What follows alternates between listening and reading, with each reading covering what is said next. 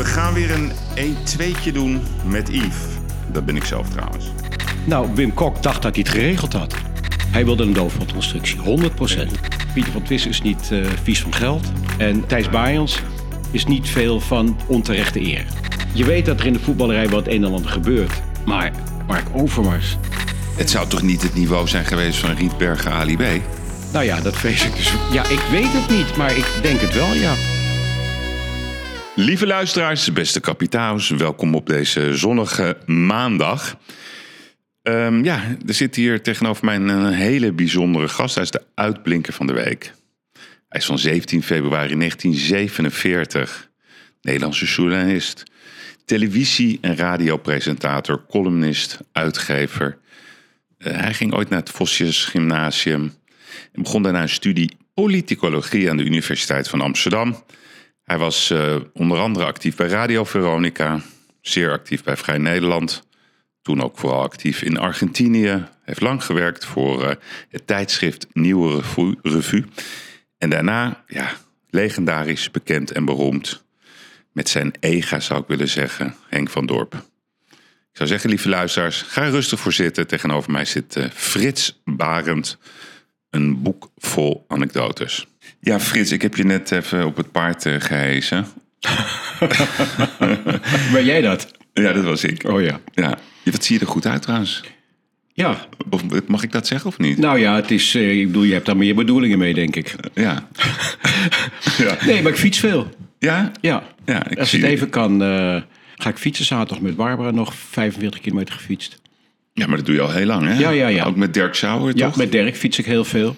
Zit je dan bij Dirk in het wiel? Ja, dan zit ik bij Dirk in het wiel. Ja, tenzij we wind tegen hebben. Want ik heb eh, sinds anderhalf jaar, dat wilde ik eerst niet. Dirk Sauer, hè, voor de luisteraar. Ja, Dirk, met een klein motortje erin, tot, tot 6, 27 kilometer. Versterkt hij me iets. Ja, ja. En boven de 27 moet je het zelf doen. Dus als we wind tegen hebben, dan rij je 25. Dan mag ik kopwerk doen. Oké, zo werkt dat. Ja, Frits, ik belde jou vanochtend. Ja. Toen hadden we een, een vrij eh, geanimeerd gesprek. Eh, ja, dat is altijd het- moeilijk, hè? want ik belde jou over de kwestie Overmars... en over, over gewoon de voetballerij in algemene zin. En ja, van het een kwam het ander. We gaan dat gesprek niet eh, benoemen, want dan, dan zijn we de hele dag breaking news. Maar we zitten nu bij elkaar. en ik zei net, ik vind het eigenlijk geweldig dat de grote Frits Barend hier bij mij aan tafel zit. Want opeens realiseerde ik mij, ja, sorry, excuus meteen daarvoor, wat een geweldige interviewer jij was. Ik heb gekeken naar die documentaire over het Koningshuis, Zorregieta, wel of niet eh, naar Nederland Porseleinen komen. huwelijk. Het porseleinen huwelijk. En daar kwam jij heel veel in voor. En wat mij raakte was dat fragment eh, dat jij met Henk... Voor de, voor de Henk jong- van Dorp. Ja, voor de jonge luisteraar, Henk van Dorp. Dat was een uh, illuster duo, Ja. Barend en van Dorp, wie het nog niet weet. Toen waren jullie in 1978 eh, tijdens het WK in Argentinië. En Henk ging naar het stadion Ja. en jij ging naar het plein. Plaza de Mayo. Ja, wat gebeurde er toen? Eh, De opening, heel slim gedaan van de Argentijnse junta. De opening was gepland op donderdagmiddag om 4 uur. Zo achtelijk. Wie opent op donderdagmiddag om 4 uur? Dat doe je op eh, zaterdagmiddag, zondag. Zodat iedereen vrij is en kan komen kijken. Maar waarom was dat gedaan? Op donderdagmiddag om 4 uur kwamen al sinds een jaar of twee, drie... de zogenaamde dwaze moeders, de madres locas... eh, kwamen bij elkaar om vier uur om aandacht te vragen voor hun verdwenen kinderen, kleinkinderen, echtgenotes, vaders. Vooral mannen. Er waren ook vrouwen verdwenen overigens, maar het waren de moeders die daar bij elkaar kwamen en dochters. Dus precies om vier uur was de opening van het eh, WK. En precies om vier uur komen die vrouwen daar bij elkaar. Henk ging naar het stadion toe. Ik had dus ook een perskaart voor die openingswedstrijd. Eh, dat was de wereldkampioen Duitsland, ik geloof tegen Polen. En eh, Henk zit dus al om twee uur in het stadion. En ze kwamen dus om half drie vragen, waar is je collega? En Henk zei, ja, die weet ik, die komt waarschijnlijk nog wel drie uur. Waar ik? Nou, om half vier kwam er dan een soldaat naast hem zitten. En ik ben naar het Plaza de Mayo gegaan, waar die vrouwen bij elkaar kwamen. Ik had dat de dag ervoor al een beetje getimed hoe lang het lopen was, hoe ver het lopen was. En iedereen had vrij die donderdagmiddag in, eh, in Argentinië. Dus- En de bioscopen waren open om de opening bij te wonen, want nog niet iedereen had televisie. En dat Plaza de Mayo, moet je je voorstellen, is de Dam op zaterdagmiddag of donderdagmiddag om vier uur. Dat je bij spreken over de hoofdjes kunt lopen. En ik had al gekeken, ik was om half vier even dat Plaza de Mayo gaan kijken. Toen was het al vrij stil. Ik ben om tien voor vier ben ik uit die bioscoop waar die opening was, ben ik weggelopen. Dat was ongeveer vijf minuten lopen. Vijf, ongeveer drie minuten voor vier nader ik het Plaza de Mayo. Helemaal verlaten.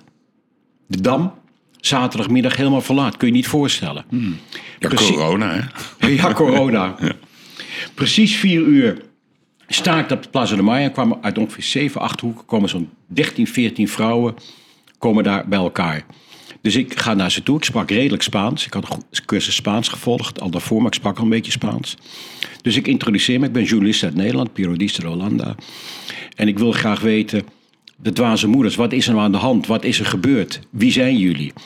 En die, die vrouwen klampten zich aan mij vast. Oh, wat fantastisch. Schrijf over ons. Schrijf ons. Ik ben mijn zoon kwijt. Ik ben mijn man kwijt. Ik ben mijn kleinzoon kwijt. Mijn nieto. eh, niemand, mijn doch, kleindochter kwijt. Ik kreeg briefjes. Ik, kreeg, ik heb nog een bloem gehad. Ik heb een, een telefoonnummer gehad. Dat heeft drie, vier minuten geduurd. Die ene vrouw met het hoofddoekje is bekend. Die her- zie ik nog zo voor me.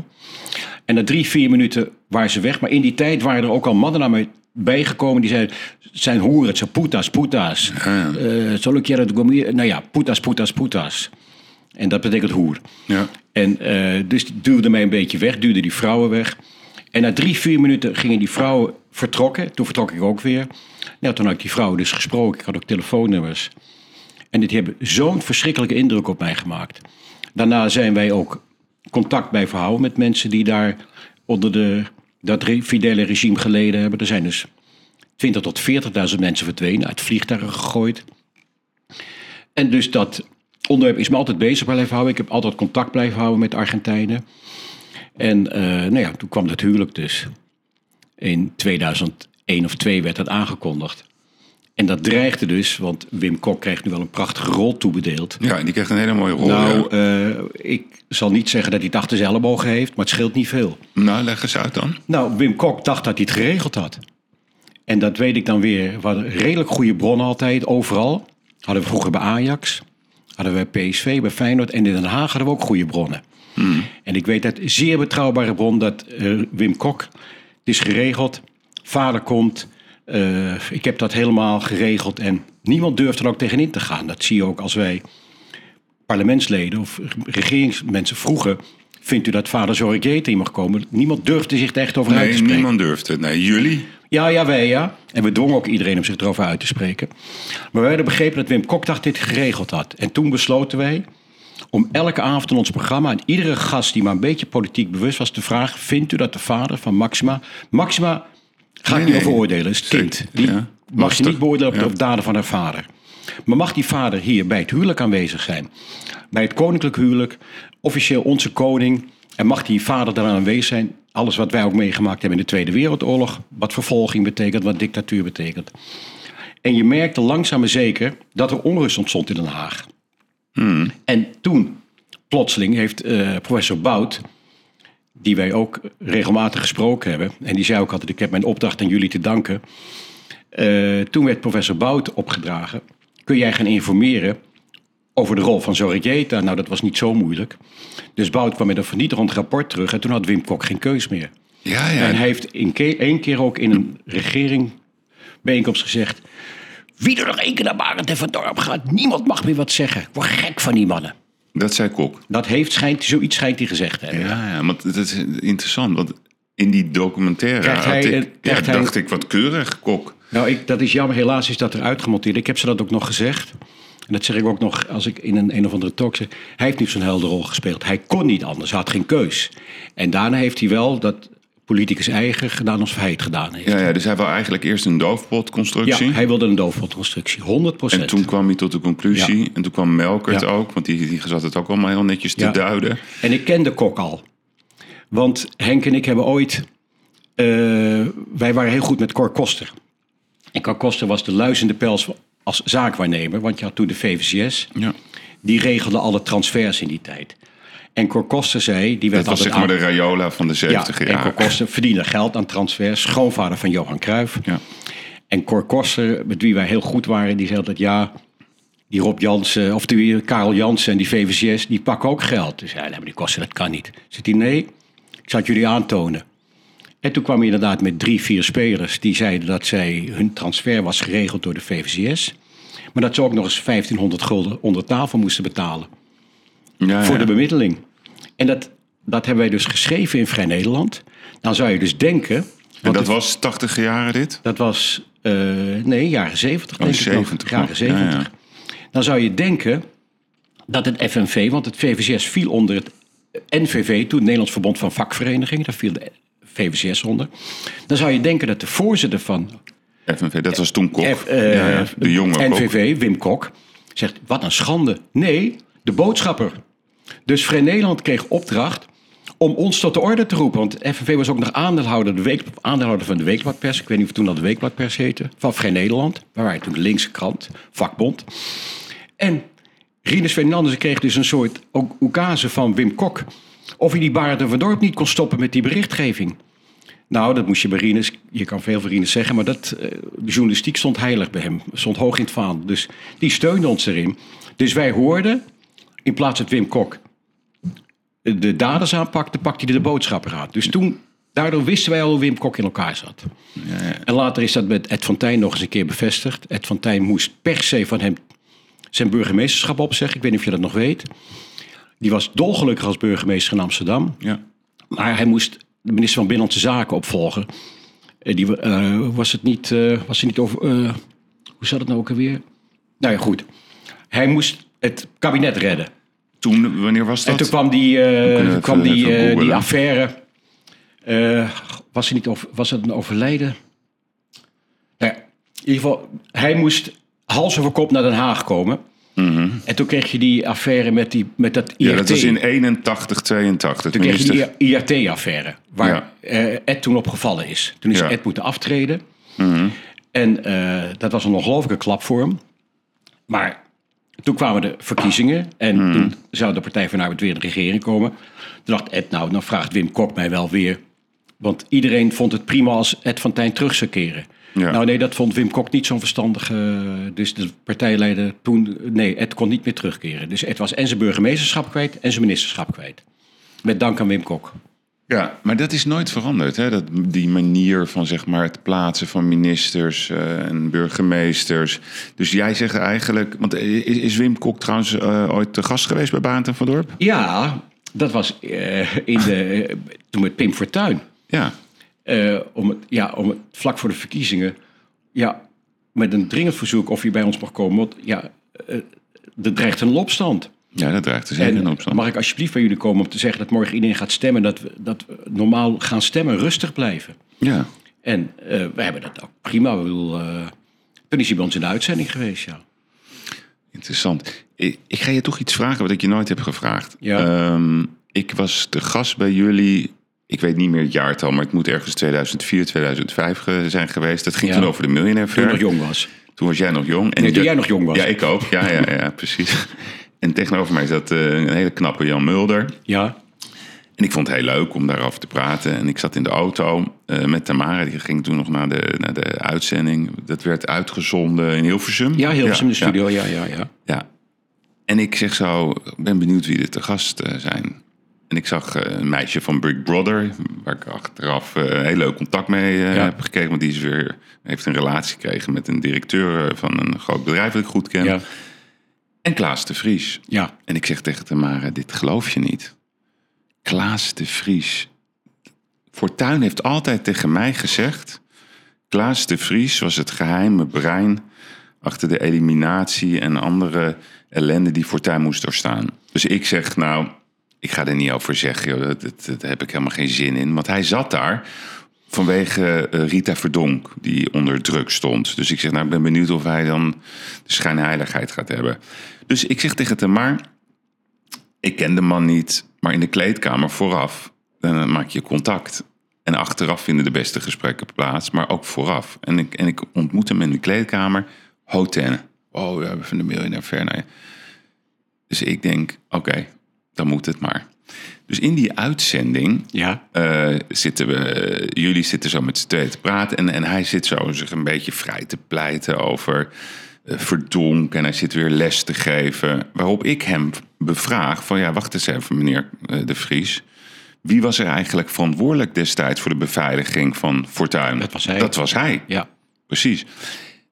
En, ik, en Fortuyn heeft mij altijd verteld dat hij was bedreigd in Den Haag. Eh, toen hij daar aan het eten was door wat jongeren. Nou, laat ik ook gewoon zeggen, Marokkaanse jongeren. Daar is ook aangifte van gedaan en daar hebben ze nooit wat mee gedaan. Dus ze waren wel degelijk op de hoogte van het feit dat, dat Fortuyn niet alleen een taart in zijn gezicht had gekregen. En op andere manieren werd bejegend, maar er was meer aan de hand. En ik heb toen tegen Fortuyn op 30 april 2002, ja, ik zeg het goed, toen met een, een lunch met hem gehad. En toen zei ik tegen hem, eh, toen waren we aan het lunchen in Zeezout in Rotterdam. En hij stond toen in de Volkskrant plus 50 zetels. Toen zeg ik tegen hem, ik zeg, we zitten hier met z'n tweeën. Ik vind het best wel raar, want volgens mij ben je over negen dagen de, de baas van Nederland. Ja, niemand kan je meer stoppen. Is het niet handig om beveiliging te regelen? Toen zei hij, Kok moet dat doen. Ik ben nog steeds een van die 17 Nederlanders. Ze weten dat ik word bedreigd. 17 miljoen bedoel je? Ja, sorry, excuus. 17 miljoen Nederlands. Ze weten dat ze me moeten eh, beveiligen. En hij, hij zag dat echt zo van, ja, ik ben een van die Nederlanders. Ik wil dat Kok dat wil. Ik zeg maar, Pim, sorry, met alle respect. Je bent zijn grootste concurrent. Dat gaat Kok never nooit doen. Ze haten je. Kijk naar het debat met Melkert. Je bent een gevaar. En je bent anti-monarchie. Ja, maar goed, hij was, hij was niet, eh, niet, niet, niet, niet om te brengen, niet eh, van gedachten te veranderen. Toen heb ik hem. Nou, ombrengen ze wat Ja. Nee, nee, ongelukkig woord. Ja, ik, dan heb je een punt. Dus ik breng hem terug naar, naar zijn Palazzo Ja. di Pietro. Had een, Ja, ja. had een interview met, eh, met een Amerikaanse zender. En ik ga vervolgens krijg ik een kopje thee aangeboden door Herman de Butler. Ja, En we gaan naar boven en Herman die praat. En ik vertel het gesprek aan Herman wat ik had met Fortuyn. En Herman loopt vervolgens naar, naar, een doos en die haalt alle namen erbij van wie allemaal geld hadden gestort in de partijkas. Hij zegt, dit is zo groot, dit wordt een revolutie. Die komen allemaal, dat was de bekende schaduwlijst. Nou, 6 mei doodgeschoten. En toen zag ik daarna bij de dood de krokodillentranen. En toen bij jou, toen ik daar zat, toen, toen, toen die Klaas de Vries zo raar deed in dat gesprek. En net deed of hij het niet wist. En ik, eh, ik interrumpeerde hem daarin en jullie gingen daarin mee. En toen zei ik het, maar wie heeft dan besloten om Fortuin af te luisteren? En toen zei Klaas de Vries, ja, soms zijn er wel eens maatregelen dat we in het belang van de staat dan dingen gaan screenen. En toen maakte ik nog de, de, de, de opmerking, ja, en Ad Melkert dan? Die, die naar seksclubs gaat en eh, SM-dingen doet. En waar jij ook toen zei, in die bewuste uitzending... ja, ja, ja, dat hebben we ook wel eens gehoord.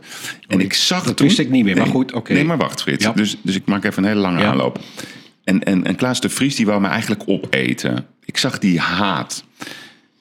En ik ging maar door en door en door. En toen werd de uitzending afgebroken, want reclame. Toen zei nog een redacteur van jou tegen mij... Jezus, wat jammer dat we moesten afbreken. Ja. Het was zo spannend. ja. Het gesprek is nooit viral gegaan, dat bestond toen niet. En toen was de uitzending klaar. En toen stoomde... eh, het, het, het, het, zeg maar, het stoom kwam uit de oren van Klaas de Vries. Ja. Die ging die uitzending, die rende die uit. Ik denk, jezus, gevaarlijke man dit. Hier ga ik nog last van krijgen. Ja, ja. Ik heb ooit gezeik gehad met de Belastingdienst. Ik denk altijd, heeft daarmee te maken. En nu komt mijn vraag, Frits. Ik heb altijd het vermoeden gehad dat de dood van Fortuyn... dat daar meer mensen toch bij betrokken zijn geweest. Ja, dat mag je niet zeggen. Nee, nee, dat, ik zeg je ook, Oh. het is een groot vermoeden. Ja, nee, dat is niet zo. Eh, ze hebben niet gewild. Doel, eh, het was de eerste politieke moord. Hè? Theo was daarna pas. Dit, was, dit had men in Nederland niet verwacht. Was Van Gogh niet voor Fortuyn? Van Gogh was, dacht ik, na Fortuyn. Kijk dat vooral zeker even na. Ik dacht Van Gogh na Fortuyn was. Ik dacht dat Van Gogh de tweede politieke moord was. Ja, oké, maar ik vind dit wel een wat grotere moord. Het is, nou, ik eh, vind allebei een politieke moord. Zeker. Ik vind het, eh, kijk even of het... Ja, het even, ik dacht dat het ervoor was, maar goed, dat maakt niet uit. Het is geen wedstrijd. Ehm, wacht even hoor. Ik dacht Van Gogh 2003 was. Dood. Hoe heet die nou ook weer van voornaam? Theo.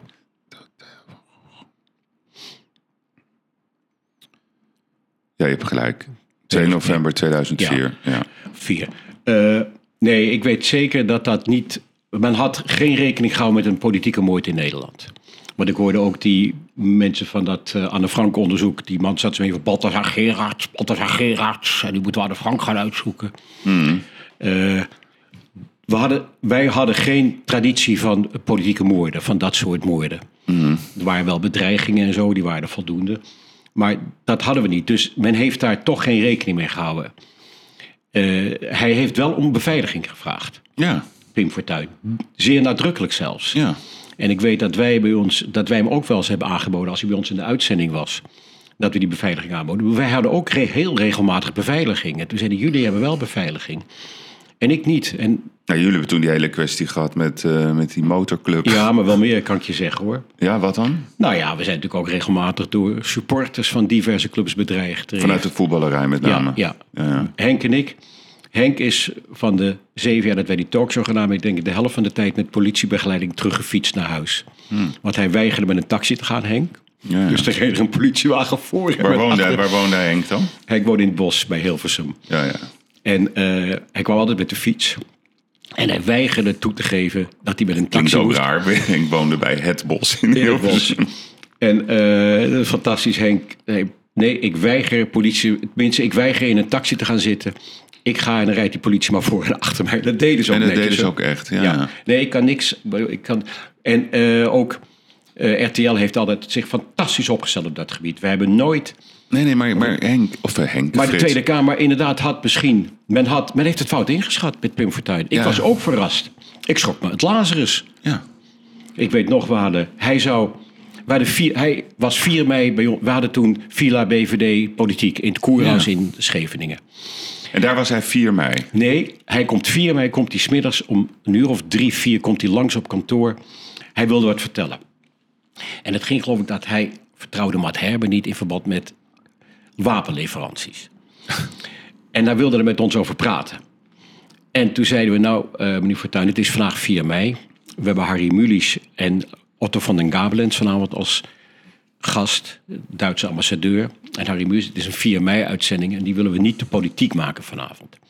Dus het lijkt me niet verstandig als u, tenzij u daarmee over wilt praten, maar niet over uw situatie. En trouwens, u komt 6 mei. Of?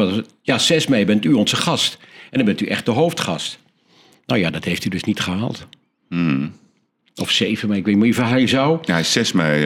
eh, Oh ja, dan had hij vermoord 7 mei komen. Ja, dus zou hij 6, 7 mei 6 was om half zes of zo Ja. op het uh, Mediapark. Ja. Was jij er ook toen op het Mediapark? Nee, wij, zaten, nee, wij deden het Villa BVD in, eh, in het Koerhuis.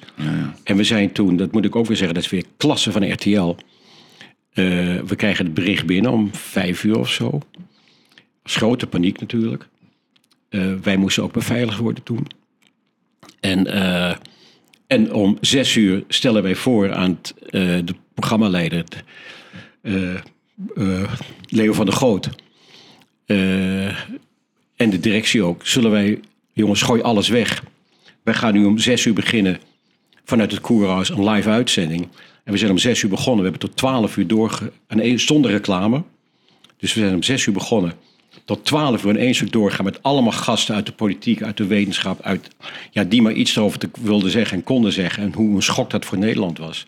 Freek de Jong is nog geweest. eh, nou ja, allemaal mensen zijn daar geweest. Heel veel politici. En ik weet nog dat Henk om vijf voor twaalf zegt, ik ben moe, ik kan niet meer. Ik, eh, we maken er een einde aan en morgen zijn we er weer. En geen één reclameonderbreking. Zes uur lang. Ja, de moord van Pim Fortuyn, dat is echt, eh, het was echt een shock. En hij zou het... En toen eh, hadden we de verkiezingen gehad. Toen heeft Matt Herber geroepen dat doordat wij Wim Kok de avond daarvoor in de uitzending hadden, dat daar, zij daardoor veel minder zetels hadden dan ze gedacht hadden. Ze hadden geloof ik 23 zetels en ze stonden op 30. Jij zei 50. Nee, dacht ik. 50. Oh, vij- Oké. Ja, ja, Ze hebben er 23 gehad, geloof ik, hè? Ja, ik weet al Ja. die getallen niet meer, maar in ieder geval... In In ieder geval, Matt Herber eh, roept dat. En eh, op dat moment besluiten zo'n 200, 300 man op te rukken het koerhuis te bestormen. Toen stonden daar overal wagentjes voor het koerhuis. En mo- mochten wij niet meer, mochten we al 5 mei, 4 mei niet meer, na die, of 5 mei. En wij moesten toen slapen op aparte kamers met een vaste bewaker voor onze kamer. Jeetje, zo, zo. Ja, maar de, st- de, de, stemming in het land was ook Ja, was wel- heel eng. Maar Ja, het Matt, was- Matt Herber heeft dat later als excuusvraag geboden. Maar goed, door te roepen, ja, dankzij doordat Wim Kok bij Barend en Van Dorp zat, hebben wij zoveel zetels verloren. Dat is zo. Nou ja, maar goed, kijk, wat natuurlijk wel zo was, daar heeft hij een beetje een punt in. Want de PvdA, die, die, dat werd, zou de grootste nederlaag ever worden. En ik vond het krokodillentranen die ze, die ze huilde toen Fortuyn dood was. Ik bedoel, als we terugkijken hoe ze hem hebben aangepakt en geframed. En toen, toen hij dood was, ja, het was allemaal, oh, wat een schok, wat een schok. Ja, maar dat... Ja, Maar toch is het begrijp- raar dat ze nee, de verkiezingen niet hebben uitgesteld. Dat Ja, heb dat ik is- nooit begrepen. Dat heb je een punt. Eh ik, krokodil, ik, wil, ik heb ook... eh, nou ja, wel zeker, als ook je grootste tegenstander... Dat is, Voltaire zei dat geloof ik, ook al haat ik hem nog zo... hij heeft het recht om zijn mening te geven. Ja, ja. En die mening, daar ben ik een groot aanhanger van. Ook Zeker. je grootste tegenstander moet jij mee in gesprek gaan. ja. Ook al heb je nog zo'n Nee, al is uw mening zo object. Ja, ik doch- zal uw recht van uw mening Ja, ten alle tijden ja, verdedigen. Ik moet hem even letterlijk. Maar Zo goed, je hebt- ongeveer. Ja, zo ongeveer is hij. Ja. Ja.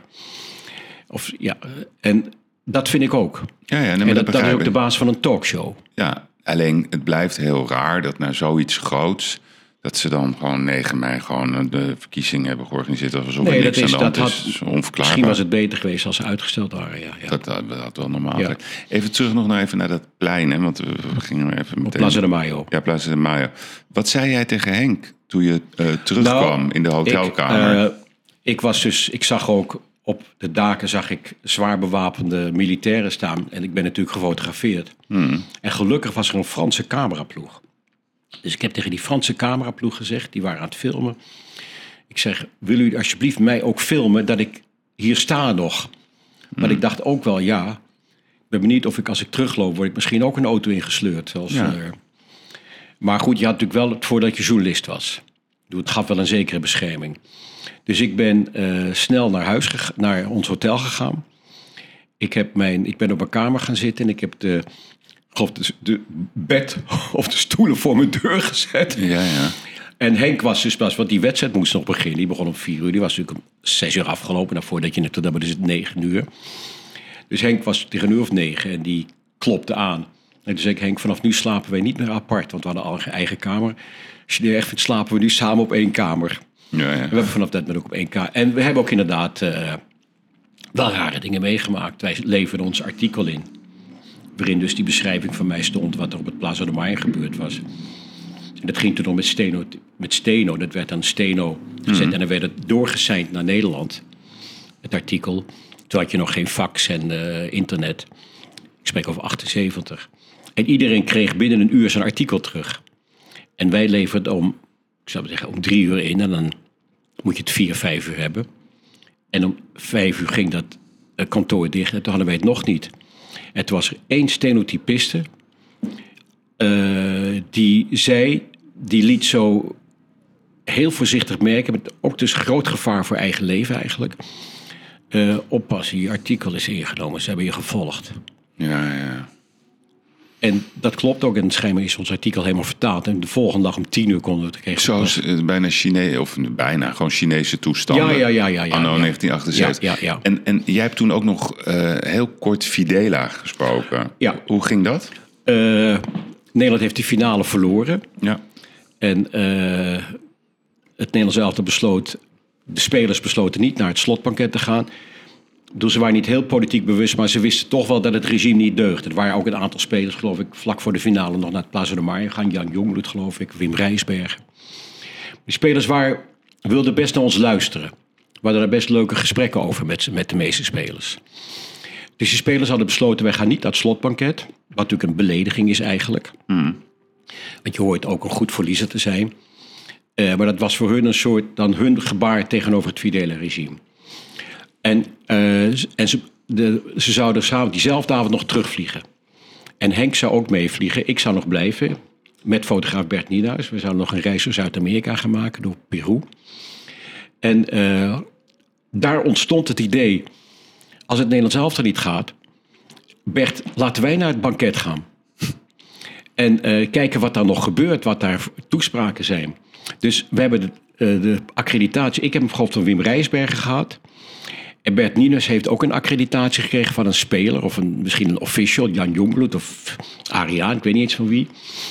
Dus wij Maar jij zijn... dacht ook, ik lijk een beetje op Wim Ik dacht, ik heb een beetje Ja. dat rossige Wim Ja, ja. Rijsbergen. Dus ik heb de accreditatie van Wim Rijsbergen opgedaan.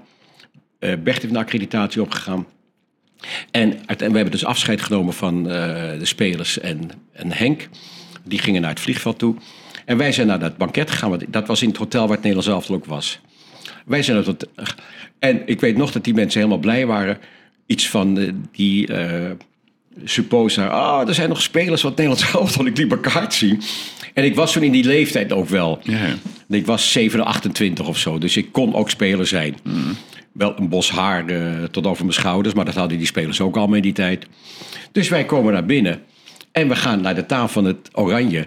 En daar zit ook de verbondsvoorzitter, meneer Meuleman. En die schrok zich het lazarus toen wij daar binnenkwamen. Want dat was niet de bedoeling dat wij daar komen zitten. En eh, we zitten er dus aan tafel. En ik zie er ook Fidela. En ik weet niet of het daar ontstond. Dat ik tegen Bert zei, ik ga Fidela interviewen. Ik zei, maar dan moet jij zorgen dat je met je foto... dat het wel vastgelegd wordt. Dus Spannend, zeg, hè? Dus jij gaat achter mij staan. Eh, Of nee, achter, aan de andere kant. En ik kom achter Fidela plotseling met mijn, mijn bandrecordertje ingesteld. En toen ben ik hem eh, na een uur dat we het voorgerecht hadden gehad en wat toespraken hadden gehad, zei ik tegen Bert, ik denk dat nu het tijd daar is. Dus ik ben, klop hem op zijn schouder. Ik zeg, dag meneer Fidela in het Spaans. Buenas noches, señor Fidela. Soy de Holanda. Eh, mag ik u wat vragen? Ja, natuurlijk.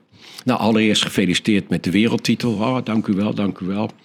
En ik zeg maar dan even iets anders. Maar even, even, even ook voor de. Ja. Hoe zag hij eruit? Was het een lange man? Een Nee, kleine? ja, ja, hij was in burgerkleding. Ja. Eh, kleine wand, zwart haar, zwart haar. Ja, volgens mij een snor. Ja, ik bedoel, ik herkende hem meteen. Ja, ja. Een beetje dunnig ook. Ja, dunnige man. Geen grote... Nee, ik bedoel, als je hem s'avonds zou tegenkomen, je niet bang voor hem. En gaf je hem een hand? Eh, dat, nee, dat denk ik niet, want ik had mijn bandrecorder in mijn handen. Ja, ja. Dus ik klopte hem op zijn schouder en toen keek hij zo om. Zo van... Oh, En je keek hem zo aan in de ogen. Ja, ja, toen ben ik zo over hem heen gegaan. Ik zei, god, ik ben, ik ben... Ik kom uit Nederland, mag ik u wat vragen? Ja, natuurlijk mag ik u wat vragen. Ik zei, nou, gefeliciteerd. Mhm. Altijd moet je eerst even iemand slijmen. Ja, ja, tuurlijk. En, eh nou, dank u wel, dank u wel. Toen zei ik, mag ik u nog een vraag? Zei, Ja, natuurlijk. Ik zeg, eh, ik ben op Plaza de Mayo geweest of zoiets. En eh, ik heb dan begrepen dat er wel 30 tot 40.000 mensen zijn. Donde están la gente desperatido? ¿Qué es pasado con ellos? Waar hebt u het over? Ik zeg, nou, ik heb het over die verdwenen mensen. Ja, dat is een leugen. Ze mentira, mentira. Ja, ja. Ik zei, nee, het is geen leugen. Ik heb het diverse mensen gesproken. Ik heb daar artikel over. Ja, eh, we leven nou eenmaal in een oorlog. Uw land heeft toch ook oorlog gehad? Zijn toch uw land ook mensen verdwenen? Zo. Ik zei, nou ja, precies. Dus het is... Nou ja, en toen, na een minuut of drie, vier, eh, werd ik met zachte hand weggewerkt. Want wie had het door? Of Ja, hij, blijkbaar hij gaf zagen een ze wel. seintje of zo? Misschien, zullen we wel... Kijk, er werd natuurlijk op gelet. Liepen natuurlijk voortdurend bewakers rond. Dus op een gegeven moment werd ik daar weggehaald. Ja, het, het- zo is genoeg, zo is genoeg. Meneer wil nu verder eten. U stoort meneer bij het eten. En, eh, En moest je toen ook het land snel uit, Nee, of niet? wat gebeurt er? Dus we komen terug aan de tafel bij Meuleman. En ik die vraag zei, wat heb je Fidela? Ik zei, ja, die schrok zich dus kapot. Meuleman was de bondsvoorzitter toen, Ja, ja. voorzitter van de KNVB. Ja. En eh, dus ik zeg tegen Bert na zo'n kwartier, tien minuten kwartier, ik zeg Bert, ik denk beter is dat wij hier nu snel verdwijnen. Want ik denk niet dat, wij nu nog, dat het nog op prijs gesteld wordt voordat we gezeik krijgen hier. Dus ik zeg, pak je jas en laten we gaan. Dus we doen onze jas aan en eh, we lopen naar buiten. En eh, gauw naar ons hotel toe. En halverwege zegt Bert, ik ben gerold. Ik zeg, je hebt toch niet je papieren in je, je, zak, in je jas laten zitten? Ja, zit ik zo. Oh, klootzak dat je bent. Jeetje. Hoe kan je nou in zo'n land überhaupt, laat je toch niet je papieren in je jas zitten? En die jas hadden we afgegeven. Ja. Dus hij had geen paspoort, dus we konden het land niet uit. En dan, dus s'avonds geprobeerd de ambassadeur te bellen. Maar dat was meneer Van der Brandeler. En dat was ook weer, eh, daar hadden wij dus al meteen ruzie mee gekregen. Wij worden, komen aan in Argentinië. Dat was een vlucht van 24 uur, nog een tussenstop gemaakt in Afrika. Toen in Uruguay en toen van Montevideo zijn we naar Buenos Aires gevlogen. was een vlucht van 24 uur met KLM. En dan zouden we doorvliegen naar Mendoza. En in Buenos Aires komt de ambassadeur aan boord van den Brandeler. En die heet ons welkom, hartelijk welkom in dit land. En prachtig land. En u gaat een fantastische tijd tegemoet. Het wordt een fantastisch WK. En geloof niet wat er allemaal gezegd wordt. Het is een prachtig land. Zei hij dat? Ja, dat zei. Dus ik dacht al, Henk en ik, dat wordt leuk. Van de brandeler. Van den Brandeler. en eh, dus we komen aan in Mendoza. Nou ja, daar begonnen we al met informeren, mensen te spreken. Ik weet dat Henk altijd zei, je had empanadas. Toen waren de empanadas een keer uitverkocht. Toen zei Henk, hoi no, hoi no empanadas, hoi no torturas, zei Henk altijd. Hoi no torturas zijn vandaag geen martelingen. En eh, die Van der Brandelen, eh, ik las de Spaanse kranten, een aantal Spaanse, of maar Argentijnse kranten. En ik zie ineens dat Van der Brandelen gaat met een lid van de junta, ik geloof meneer de Melo van de luchtmacht, gaat hij vlak bij Mendoza, gaat hij een onderscheiding uitreiken of krijgen. Dus ik zeg tegen Bert, en ik, kijk even, Van der Brandelen is morgen in de buurt, daar moeten we naartoe. Dus we zijn er naartoe gereden, hebben ons verdacht opgesteld, hebben daar een foto van gemaakt. En heeft Van der Brand natuurlijk gigantisch gedonder mee gehad in Nederland. Want hij heeft daar dus zich geconformeerd aan het Fidela-regime. En die foto hebben wij geplaatst. Heeft hij echt gedonder om gehad. Dus die Van der Brandelen dacht... En die moesten ons een paspoort geven. Maar die gaf het niet thuis. en toen hebben wij... eh, de KLM heeft ons ontzettend geholpen. Echt, eh, er was een KLM-kantoor. En, eh, god, daar kom ik even niet op zijn naam. In ieder geval iemand, ik, we werden gebeld, iemand van de KLM, die zei, we hebben een heel goed kantoor. Mensen die daar vrij politiek... Ga naar de KLM toe en die gaan je helpen. En eh, eh, de staatssecretaris van Buitenlandse Zaken... eh, god, die snor, hoe heet die nou ook weer? In ieder geval, eh, we hebben toen de staatssecretaris gebeld via Vrij Nederland. En die heeft toen Van de Bandel opgegeven om zo snel mogelijk voor Bert een paspoort te regelen. Maar dat in plaats van dat we dat binnen Maar dat moest allemaal nog via die telefooncellen. Ja, ja, ja. Ja. En gedoe. dat heeft wel drie dagen geduurd. En toen zijn we pas woensdagochtend... zijn we toen eindelijk... eh, en, en leeft hij nog van de brandeler of niet meer? ik denk het niet, nee, nee, nee. Die staat ook niet in die docu. Nee, Dus die, die was onderdeel van het probleem. Ja, ja, ja. En we, uiteindelijk... We hebben dus ook samen op een kamer geslapen, Bert en ik. Ik zei, we moeten niet alleen slapen. We gingen ook, ja, met eten deden we heel voorzichtig. We gingen nou ook de kamer af. Ik zei, we moeten ook niet te veel op straat lopen, want je weet nooit wat er gebeurt. En we vliegen terug. We zouden dus naar, van Buenos Aires naar Santiago de Chili vliegen. Moet je nagaan. Eh, onder Pinochet. Dus nog- gingen we nog aan een veel erger regime. Maar daar moesten we een tussenlanding maken. Voordat we naar Peru gingen. En we vliegen en ineens naar Mendo maken een tussenlanding in Mendoza. En we worden eruit gehaald. ja, ja. ja. S ochtends om 11 uur. Dus ik zeg, en we komen daar op het vliegveld. Volledig verlaten, een gigantische vertrekhal. Dus ik zeg, Bert, nou. Dus wij zeggen, nee, we moeten naar eh, Santiago. Nee, nee, u moet eruit. Nou ja, we gaan. Jullie dat gingen ging- er wel uit? Ja, we hadden geen keus. Geen Er keus. kwamen militairen in. En, ja, ik bedoel... eh, Ja, dan- ja. En je zit alleen met Argentijnen, dus die zeggen ook, ja, wat heb je...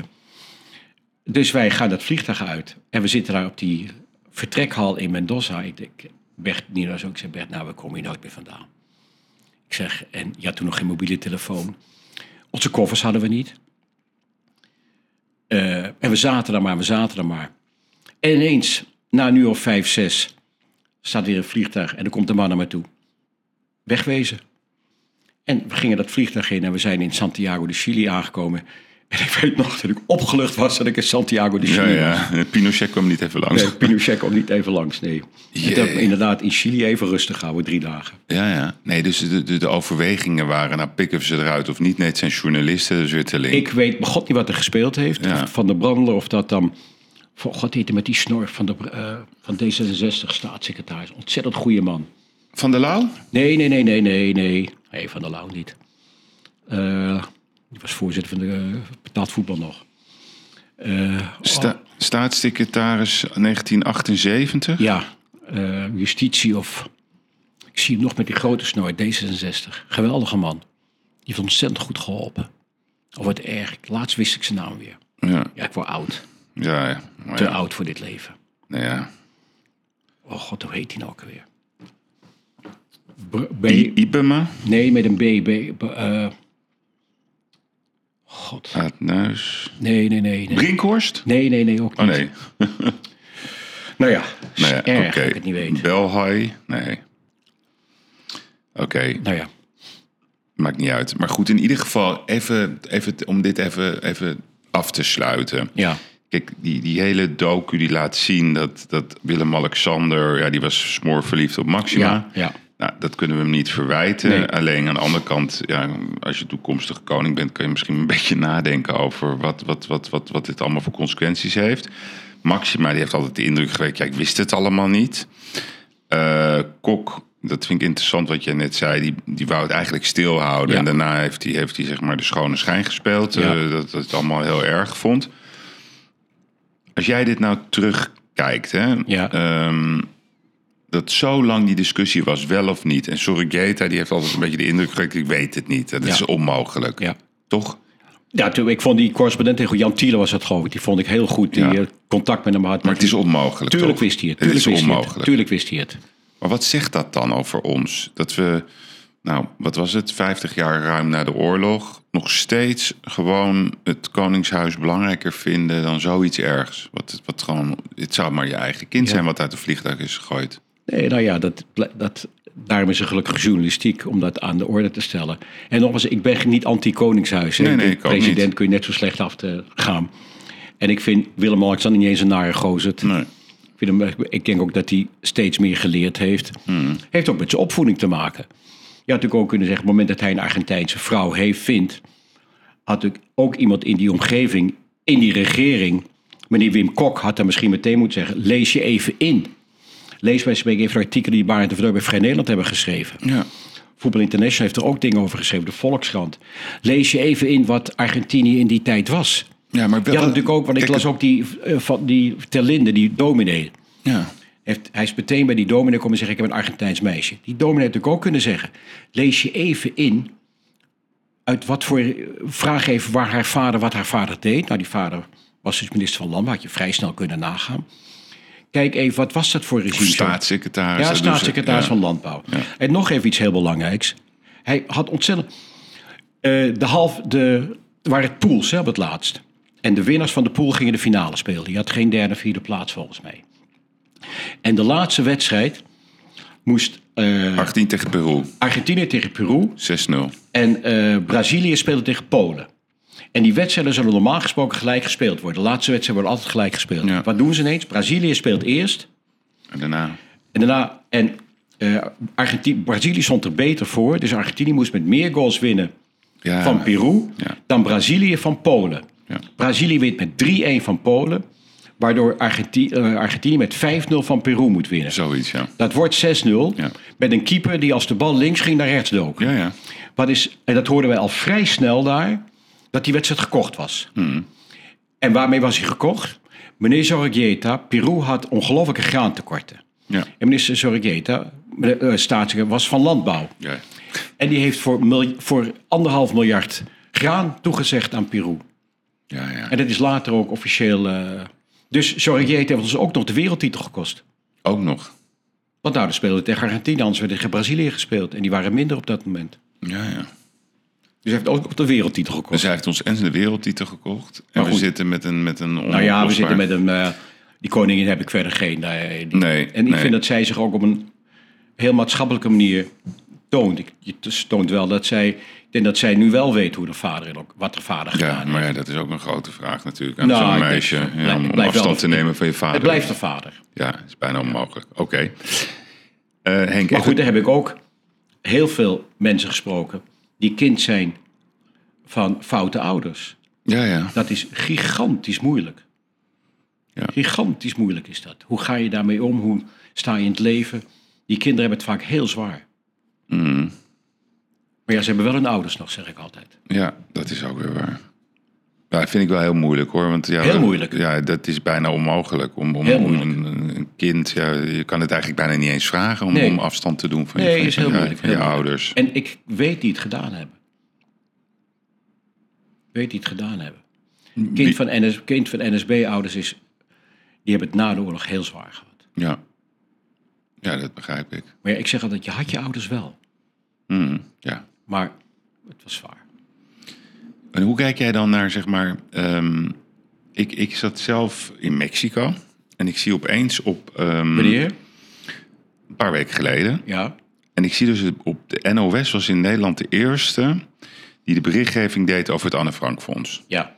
Of eh, over, over de, de cold case Oh, de cold case van. Piet- Pieter Ja. van Twisk. Ja. Nou, En, en Bayerns. Ja, Dirk Baens. eh oh nee, Thijs Baens. Thijs Baens, ja. zijn, zijn, zijn- ik- is dat familie trouwens van Dirk? Die is die andere documentaire Weet ik maker niet, van de ik VV niet. Nee. Maar wat ik zo opmerkelijk vond aan de NOS-berichtgeving was twee dingen. Normaal eh, publiceert de NOS nooit namen bij artikelen. En voor het eerst stonden twee namen bij. En het tweede punt, Ze zetten als, eh, als kop Joodse notaris. Ja. Maar niet als citaat. Dus er stonden geen haakjes bij. Nee, nee. Ze brengen het als feit. Ja. Dus ik denk, jezus, wat, dit is wel heftig. Ja. En het leest toch heftig. ja, zeker.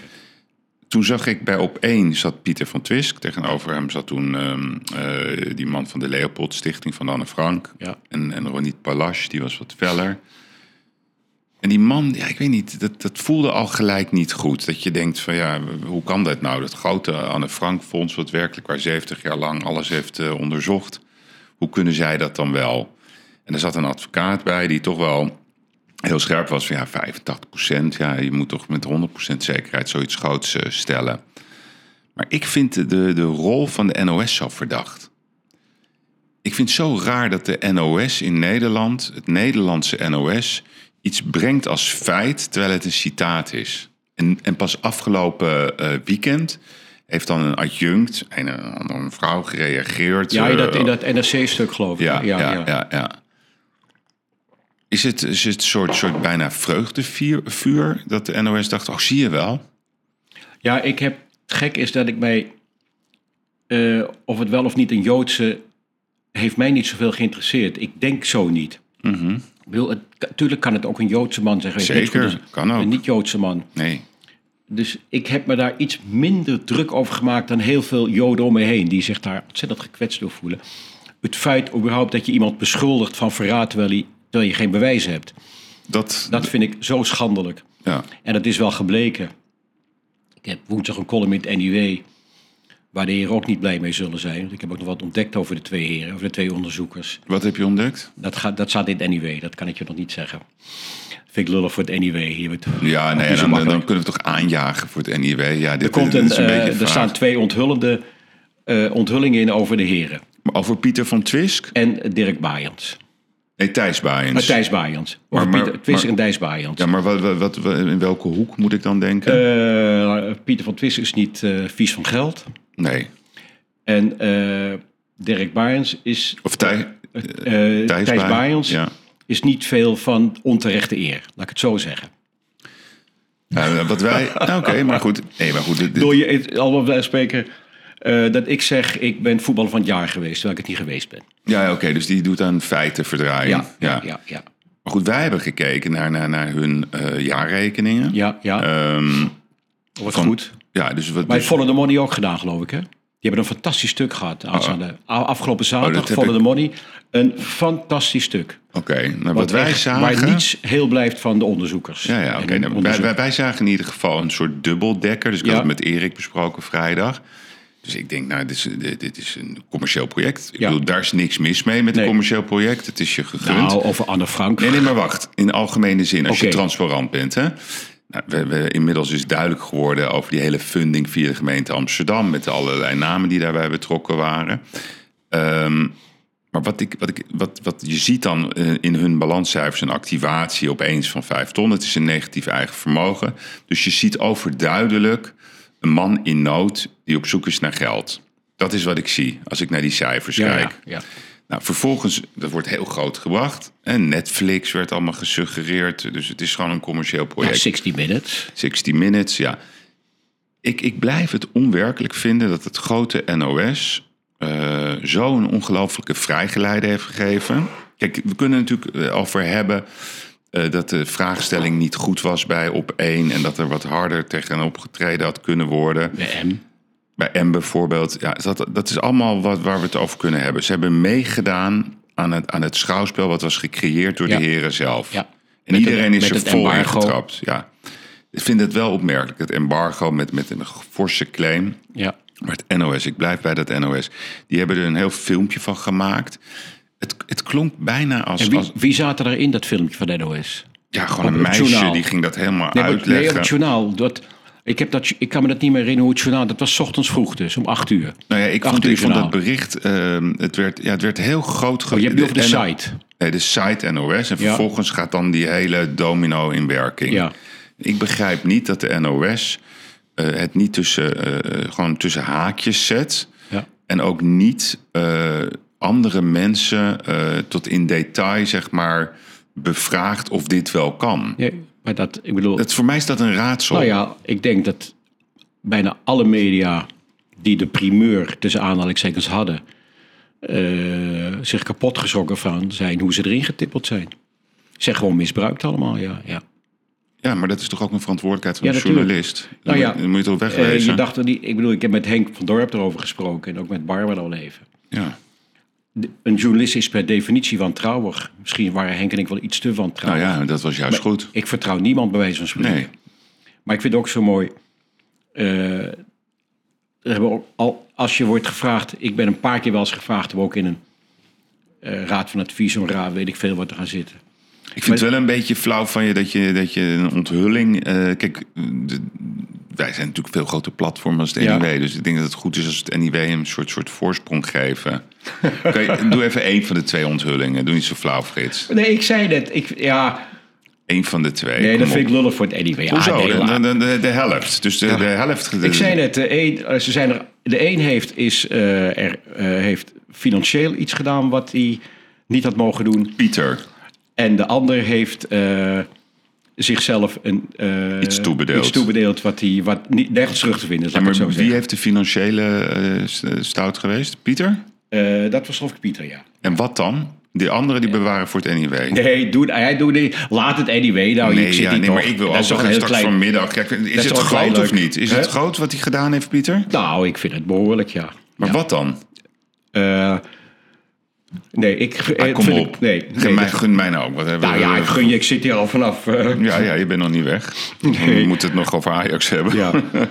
Nee, dat is voor het anyway. Laat. Dat vind ik, dat, je hebt het ook moeilijk. Hebben 3000 abonnees geloof ik. Ja, nou ja, dat blijft. Het zullen er Ja. niet veel meer worden. Nee, maar het is, wel, ik vind een, het is het oudste weekblad van Nederland. Ik vind Ja. het een prachtig weekblad. Ja, prachtig. Ik heb het altijd gesteund. Ook als ik het niet met ze eens ben, ben ik Nou, het met ze schrijf eens. het anders op. Dan kan ik kijken of het echt spannend is.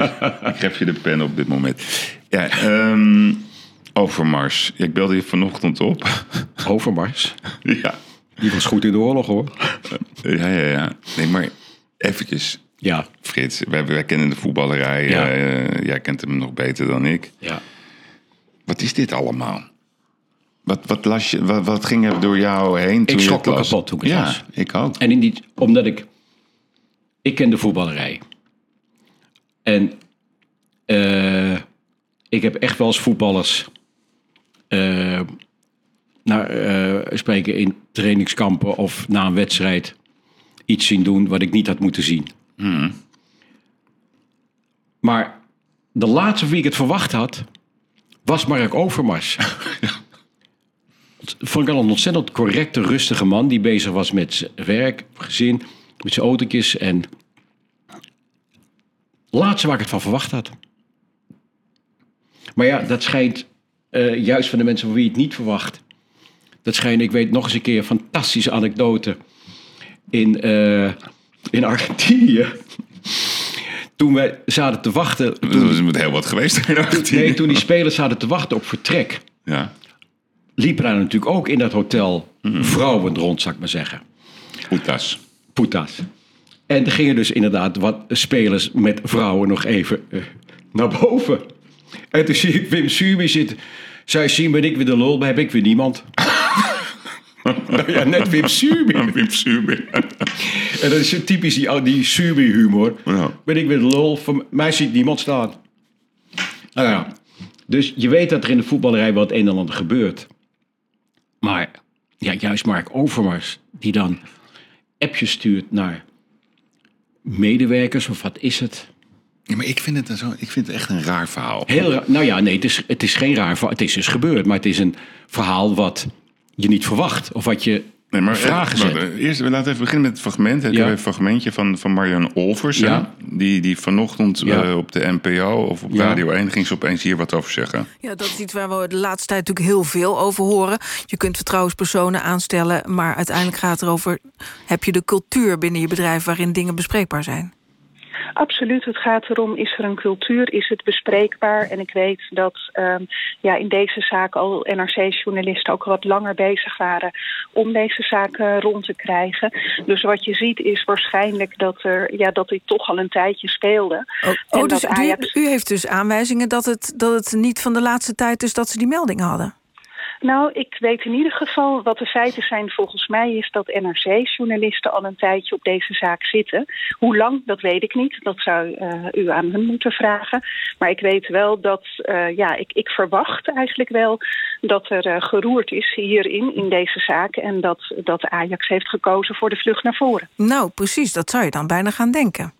Ja, dat zou kunnen. Dus dat, dat zou daar gevraagd moeten worden. Maar in ieder geval zijn wat mij betreft de feiten... dat er bij uh, NRC-journalisten al het een en ander bekend was. Ja, als je hier naar luistert, wat zij zegt... Hè, zij is natuurlijk ook niet heel gezellig weggegaan bij Ajax. Nee. Um, de reactie van Overmars...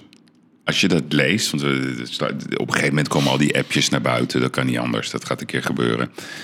Um, maar je ziet eigenlijk in de reactie van Overmars... oh, ik had het me niet gerealiseerd dat dit grensoverschrijdend was. En ik schaam me nu kapot, dus ik moet nu wegwezen. Daarnaast Ajax beursgenoteerd bedrijf. Nou, die, die, die, die Deen Meijer, het is natuurlijk van BlackRock... die denkt ook, ja, dit is allemaal kapitaalvernietiging. Is het wel zo heftig? Gewoon, dit is puur vanuit de speculatie, hè, wat ik nu zeg. Wat hij heeft verstuurd. Ja. En dan die NRC-journalisten die dan blijkbaar vanuit binnen, vanuit Ajax, een soort ja, dossiertje hebben toegespeeld. Ja, nu ga je over. over is pure speculatie. Ik ken de inhoud niet, maar nee. het zal wel zodanig heftig zijn dat ook Mark Overmars zegt: dit, heeft, dit kon niet. Nou, ik heb zelf twee dochters. Ik kom uit een totaal matriarchaal. Ik bedoel, ik was alleen met mijn moeder. Mm. Vervolgens heb ik heel jong mijn vrouw leren kennen allebei vaderloos. Uh, en twee dochters. En die heb ik altijd opgevoed met iets. Zelfstandig eigen keuzes maken. Je nooit iets laten aanleunen. En ja, en er zijn natuurlijk heel veel vrouwen en meisjes die in verwarring raken van misschien vervelende appjes. Maar ja, het, je moet rekening houden. A is natuurlijk een bedrijf waar heel weinig vrouwen aanvankelijk rondliepen. Hmm. Het is een echt mannenbedrijf. Het is echt een mannenbedrijf. Voetbalclub is een mannenbedrijf. Ze hebben gelukkig die vrouwenafdeling. Ja. Waar Cruijff ook een grote rol in gespeeld heeft om die te laten ontstaan. Uh, nu is er die vrouwenafdeling, ze lopen vrouwen rond. Er zijn ook nu vrouwen in de directie, er zijn vrouwen fysiotherapeut. Maar het was tot, wij spreken twintig jaar geleden, was het een volledig mannenbolwerk voetbal. Zoals alles een mannenbolwerk was, wij spreken. En die voetbalrij staat nog achteraan in de emancipatierij, vrees ik. Nee, ik denk als, als de voetballerij, als, als, ik bedoel, als je het hebt over twee beerputten die nog Ja. zeg maar open moeten, dan is dat volgens mij de voetballerij en, Ja, maar ik weet en niet de of voetballerij een politiek. beerput is. Want ik denk ook dat, er, ik bedoel, eh, dat die vrouwen bij Ajax het ontzettend leuk hebben. Ja, die hebben het ook. En die worden ontzettend gewaardeerd. En Ja. Daphne Koster hebben, ze hebben een fantastische directeur bij de vrouwen.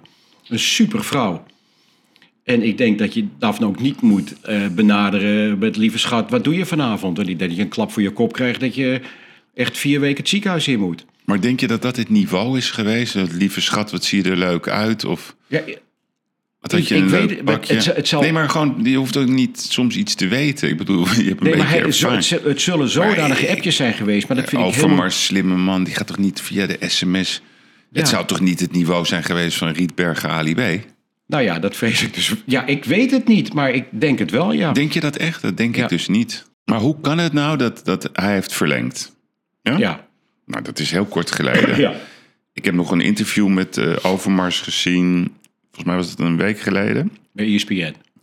Nee, bij, eh, ja, bij Ajax TV. Ja, oh, over, Ajax de, TV. over, de, over de transfers. Hè? Ja, En dan legt hij heel keurig uit over Masraoui, over, hoe heet hij, over Brobby, over Bergwijn, et cetera. Je hebt helemaal niet het gevoel dat daar een man in nood zit of een Nee. man die onder druk staat. Nee. Dus, dus wat ik denk is dat eh, de druk vanuit het NRC bij Ajax zeg maar de alarmbellen heeft doen rinkelen. Oh, we willen geen tweede The Voice of Holland worden. Dit kan niet, dit wordt gedoe. Ja, het is allemaal speculeren wat we doen. Nee, maar, ja, maar soms moet je dat ook. Dat is ook nee, ik- nee, dan moet je als journalist moet je ontzettend oppassen met speculeren. Je moet eh, echt, ik vind dat we moeten proberen wel bij feiten te Oké, blijven. maar goed, bij Ajax. en, dus kunnen, en er moet dus iets, er moeten dus appjes. Anders zegt Mark Overmars ook niet. Ik ben wel heel grensover. Hij heeft zelf ook gezegd. Ja, maar hij zegt dat hij het achteraf zich pas heeft gerealiseerd. Ja. Dat vind ik het opmerkelijk. Nou ja, dat is, vind ik ook opmerkelijk. Maar dat is misschien wel kenmerkend voor de mannenwereld die voetballerij is. Dat ze toch misschien denken, maar nu speculeer ik ook weer dat zich dingen kunnen permitteren die je niet kunt permitteren. Nee, maar goed, wat is dan het niveau? Dus dan, dan, dan ga je op een gegeven moment bijna denken, zijn we zo doorgeslagen? Want als hij zich pas achteraf realiseert dat dit niet kan... en dan komt hij uit het gereformeerde Epe, ook nog eens, uit de Bijbelbelt. Ja. Jongen, hij komt naar Newcastle voor veel. Hij heeft Ja. gekozen voor Ajax. Nou, op Ja, het moment... wordt gesuggereerd dat dit Newcastle komt. Dat- Nee, oké, maar goed, hij, hij- hij- hij- Ja. je kan niet zeggen dat die man het niet goed doet. nee, nee, dat, juist, dat, precies, hij doet het Nee, fantastisch. dan denk ik, ja, langere periode, dan heeft hij toch ook wel zich gerealiseerd dat er een bom ergens onder lag. Ja, dat heeft hij zich waarschijnlijk dus niet gerealiseerd. Nee, maar dan denk ik dus dat het, dat het heel erg onschuldig is. Alleen onhandig misschien. Onhandig onschuldig. Ja, Ja, meer van het niveau, eh, goh, wat zie je er vandaag aantrekkelijk uit. Dat. Nou ja, dat- Mag dat niet? op die gronden zullen ze hem niet, als jij hem stuurt, goh, wat zag je er vandaag?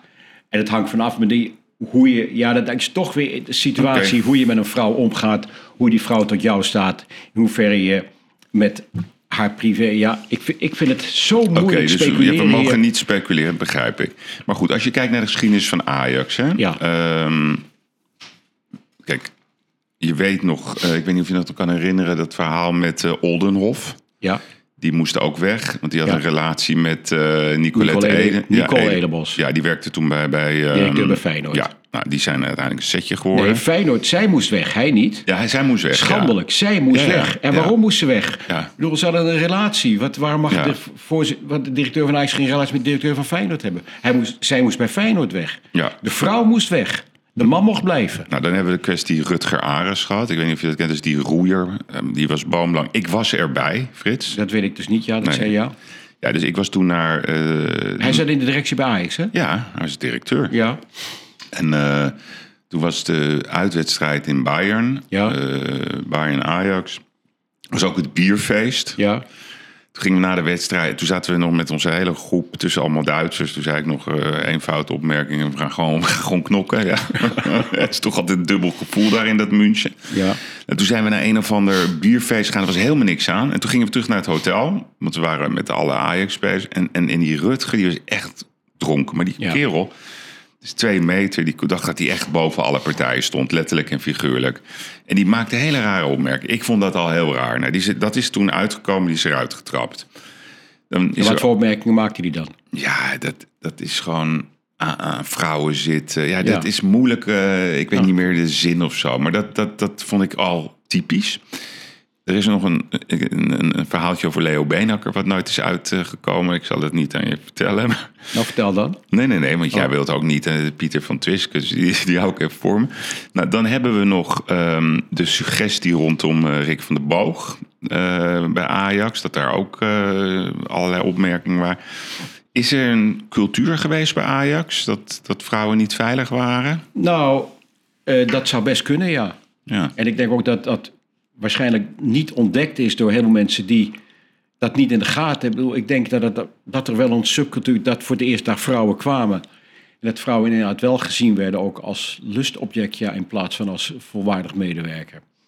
Ik vrees dat het wel langzaam daar heeft kunnen gedijen. Dat althans, Mark is daar dan Is Mark het slachtoffer of is Mark... Nee, hij is geen slachtoffer. Ik bedoel, hij, als hij het gedaan heeft, heeft hij het gedaan. En ja, nogmaals, we weten ook niet wat hij gedaan heeft. Dus, maar hij zal niet voor niks ontslag genomen. Maar denk je wel dat het allemaal uit gaat komen, de details? Dat die sms'jes kan Ajax toch veel beter gewoon nu meteen naar buiten gooien? Ja, of niet. Of bedoel, niet. Dat, dat is natuurlijk aan Mark. Ik denk niet dat Mark het leuk vindt dat die sms'jes naar buiten komen. Bedoel, die sms'jes van die Riet Bergvoes eten, dat had ik, eh, ik denk dat Linda die liever ook niet gelezen had. Ja, maar anders blijft die speculatie maar hangen. Ja, nou ja, dan maar. Dat vind jij wel de goede route? Nee, ja, nee, wat is de goede route? Ik bedoel, er zijn alleen maar, dat is ook zo'n cliché, er zijn alleen maar verliezers in deze zaak. Ja. Alleen maar verliezers. En het is, ik hoop dat de les daarvan is nu. eh, accept, een, je, een vrouw komt bij jou werken. En dan behandel je er niet als, als een. bedoel, je behandelt als mens. Nee, oké, daar zijn we het over En je mag eens. best inzien. Eh, dat je een mooie of een. Maar ook een lelijke vrouw heeft het recht om hetzelfde leuke werk te kunnen doen als een mooie vrouw. Nee, 100%. En kijk niet naar die vrouw hoe ze eruit ziet. En een vrouw voelt en oordeel erop te werken. En daar moeten we, daar moeten we blijkbaar toch nog een enorme slag in maken. Juist in dat soort masco, masculine, masculine omgeving als een voetbalclub. Maar jij hebt zelf met ooit eh, die bekende kwestie met Jelle Brand Korstius. Ja, ja. Die werkte toen bij jullie op, Ja. eh, op de redactie. Ja. Die heeft altijd de indruk gewekt dat hij is aangerand door... Ik ben even zijn naam vergeten van eh Shownieuws. eh, die is nog steeds furieus. Hoe heet hij nou ook weer? God, jou weet je Ja, we zijn... we- Nou ja, dat is ook en zoiets- naam. Ja, maar jij was daarbij. Heb Nou, jij dat, dan is ook gezien zoiets of geks. zo? Wij hebben bij Baarten van Dorp en Henk was daar met z'n tweeën. Ja. We, hebben, we hadden heel veel vrouwen en meisjes bij ons werken, moeders. En we hebben altijd gezegd, je moet je veilig voelen. En wee je gemeente als ook maar een gast of iemand vervelend tegen je, van muzikus. Je moet je veilig voelen. Je mag dragen wat je wil. En we waren altijd heel fysiek. Ik zei altijd, ah, leuk, wat zie je er leuk uit, fijn. En hoe is het met je? Heb je leuk? En wie hebben we als gast? Wie ga je benaderen? Wat ga je doen deze Ja. week? Wat gaan we... eh, heb je nog reacties gehad? Maar ik heb altijd vrouwen moeten zich veilig voelen. En geef aan als je je niet veilig voelt. Dus wij zorgden ook altijd voor dat na de uitzending... eh, vrouwen mochten nooit van ons na twaalf met alleen met het openbaar vervoer. En zelfs als ze met een taxi naar huis gingen, wilden wij dat ze met z'n tweeën gingen. Dus dat er altijd twee, en de, de laatste in de taxi moest een man zijn, zeiden we altijd. En dat zei ik altijd laat. Ik heb nooit aan mannen gedacht. Dat ook mannen onheus bejegend kunnen worden, heb ik nooit aan gedacht. Maar heeft Gijs dat ooit tegen jullie, of eh, Jelle ooit tegen jullie gezegd? Want het ging over Gijs van Dam. Nee. Hij, hij wekte die indruk. Nee, nee, nee. Nee, maar dat, dat is wel natuurlijk opmerkelijk. Want hij Nou heeft het dus dat- nooit gezegd. Nee, nee, maar goed, ik kan me ook voorstellen dat je dat niet... eh, hij was toen stagiair, geloof ik. En Maar dat was ontzettend- niet echt een machtspositie. Er was bij ons helemaal geen Nee, machtspositie. nee, maar, Jelle, Niemand. nee, maar Gijs van Dam had geen machtspositie Nee, toen. nee, nee, nee, nee. En wij hebben, ik bedoel, niemand had, waren allemaal gelijk als wij spreken een redacteur, eh, wij spreken, ik weet nog één redactrice die zei, haar zoon was gevallen en die had een pols of zoiets. Ze zei, je gaat nu meteen naar huis. Ik zei, ik rij nu meteen naar Hilversum, ik neem je werk over. Nee, maar hij ging met hem naar de hotelkamer. Ja, ik bedoel, Ja. Gijs heeft hem niet naar die hotelkamer gesleurd, toch? Ja, ik, ik weet het niet. Nee, nee, nee, nee. Maar ik bedoel alleen te zeggen dat in deze hele... Gijs ontkent ook alles. Nou ja, die, het schijnt zelfs dat Jelle Brandkorstjes hierover wordt vervolgd. Het Gijs van Dam is wel voor zijn leven geframed. Dus ik vind... Ik, Maar vind Gijs, het een- maar hoe heet het, eh, Jelle ook. Maar die heeft het aangejaagd. Die begon er opeens over uit het niets. Nou ja, waar het met zat hem Thijs van. Nieuwkerk. Maar goed, Ja, het zat hem... nee, niet bij nee, een artikel in Trouw. Nee, live op tv. Bij Matthijs. Nee, het begon met een artikel. Ja, maar hij, op tv ging hij opeens een soort coming Ja, out doen. En toen ging hij het, eh, ja. En toen noemde hij de, de naam niet. Nou, Ja. toen dook heel Nederland erop. Ja, maar... ja. Vind Ik je er ontzettend gezeik van gehad. Ja, ja, nee, dat weet ik. Maar jij bent toen ook weer... Ja, jij bent ook. Maar jij zegt eigenlijk tegen mij... Je hebt nooit toen, toen een coach red gehad. Wat vind jij dan, hè? Ik bedoel, want dit gaat niet stoppen, hè, dit. We zitten nu in een tijdperk dat... Dit, dit, dit blijft maar doorgaan. Wat zijn voor jou dan... Kunnen we hier niet iets uit leren? Wat zijn dan Ja, volgens jou de Wat we, kaders? kunnen uit leren, wat we hier kunnen uit leren is dat je dus, eh, zoals ik zei, ik denk niet in eh, fout en goed over de oorlog. Bij mijn 4 mei-lezing laatst in Vlissingen. Ik denk in mensen. Ja. Er waren goede Duitsers, er waren foute Duitsers. Er waren goede Joden, er waren foute Joden. Maar er waren vooral ook goede Duitsers. En dat klonk heel raar. Dus ik dacht niet in eh, de Duitser is fout. Er waren ook foute Nederlanders. Heel veel foute Nederlanders. En zo denk ik dat je hier ook eh, niet in mannen en vrouwen moet denken, in mensen. Ja. Dus bij Ajax werken niet mensen. En dus de vrouwen moeten zich inderdaad gerespecteerd voelen zoals ze daar werken. En niet op hun vrouw zijn worden beoordeeld. Kijk, een voetballer beoordeel je wel op zijn voetbalkwaliteiten, maar niet op zijn uiterlijk. Nee, maar wat, wat, wat op een gegeven moment... En dat, moet, dat Ja, is maar een mentaliteitsverandering in. Nederland. We maakten... Ja, in Nederland... De hele leven maken we grapjes. Ja, Ja, kom op. Ik, ik, ik, had, ik zei vanochtend tegen jou dat Sylvie Meis... ja, In 2002, toen deed ik nog de Millionaire Fair. ja. Die kwam toen naar de opening en die ging eigenlijk jagen op een voetballer. Dat was Ja. gewoon eh, haar message. Nou, dat is er ook nog gelukt. Er zijn ook nog vrouwen in dit verhaal, hè? Die, Oh, maar dat- die maar aan de dat lopende... recht- ja, maar wat zijn de spelregels? Maar Nou wat, ja. zijn, wat zijn nu dan de Nou, spelregels? de spelregels zijn dat wij als man, eh, als wij met een vrouw werken of met een vrouw te maken hebben, dat wij haar inderdaad eerst als mens beoordelen. Oké. En dus haar de gelegenheid geven om zich volledig als mens te ontwikkelen. En niet naar de kijker, is dat lekker wijf? Oké, dan zal ik wat meer voor haar doen. Nee, wat kan ze? Je beoordeelt erop wat ze kan en wat Maar- ze maar wil. en wat ze zelf ja, wil. Oké, maar dit is een normaal... Is Ja, bijna nou, dat is niet normaal, dit. Dat is niet normaal Nee, blijkbaar. oké, bij sommigen niet. Nee, niet Maar- bij sommigen niet. Het blijkt dus bij, Bij veel heel veel. Oké, ja. dus, dus jij zegt eigenlijk, mannen kunnen niet normaal naar, naar iemand, naar een vrouw kijken die er misschien heel appetijtelijk Ja, uitziet. de meesten natuurlijk wel, maar, Ja, maar je moet een vrouw beoordelen op wat ze... bedoel, eh, maar dat klinkt bijna als een cliché. Maar dat, Ja, dat maar is, is dus een noodzakelijke spelregel. Blijkbaar wel, ja. Ja, oordelen dus over het mens zijn en niet over het vrouw zijn. ja, ja. ja. Want je krijgt nu een soort nervositeit. Het, het is bijna aan het doorslaan dat je bijna gaat denken over wat... wat Ah, dat wat- valt ook wel mee. Ja, het- nou, ik ah, vind het niet meevallen. Nee, omdat nu de excessen naar buiten komen. Maar de meeste vrouwen en mannen voelen in hun bedrijf drommels goed of de situatie wel of niet goed is. Of daar een prettige sfeer Mm. Ja. hangt of niet. En daar ben je zelf bij. En mannen kunnen daar heel bepalend bij zijn bij die sfeer. Voelt een vrouw zich op de gemak in jouw bedrijf, in jouw omgeving? Ja. Oké. Hey, even als je kijkt naar de talkshows. Hè, ik weet niet of je daar Ja. ooit over, iets over hebt gezegd. Ehm, dan gaan we een beetje zo het einde eh, bereiken. Ja, het wordt wel tijd. Hoe lang zitten we al? Ja, ruim een uurtje. Jezus. Zullen we trouwens weer een medaille pakken? Want de short track is volgens mij nu... eh, Nee, geen medaille. Wat? Nee, dat is kwartfinales alleen. Ja, oké, maar daarna Ja. wel. Oh. 500 eh, meter, eh, we kunnen het wel even aandoen. Is dat finale? Velsenboer, oh nu Schulting. Ja, maar dat is kwartfinale, toch? Ja, oké, maar Ja. Velsenboer en Posma zijn al uitgeschakeld. Oh, jezus. Oh, daar gaat ze weer. weg hoor. Ze is Suzanne Schulting valt weer? Ja, bijna. Meerdere betrokken zijn en dan begint de wedstrijd nog even opnieuw. Na deze reparatie. Onmiddellijk. Er is iets aan de hand met, die, met dat arme kind. Oh jee.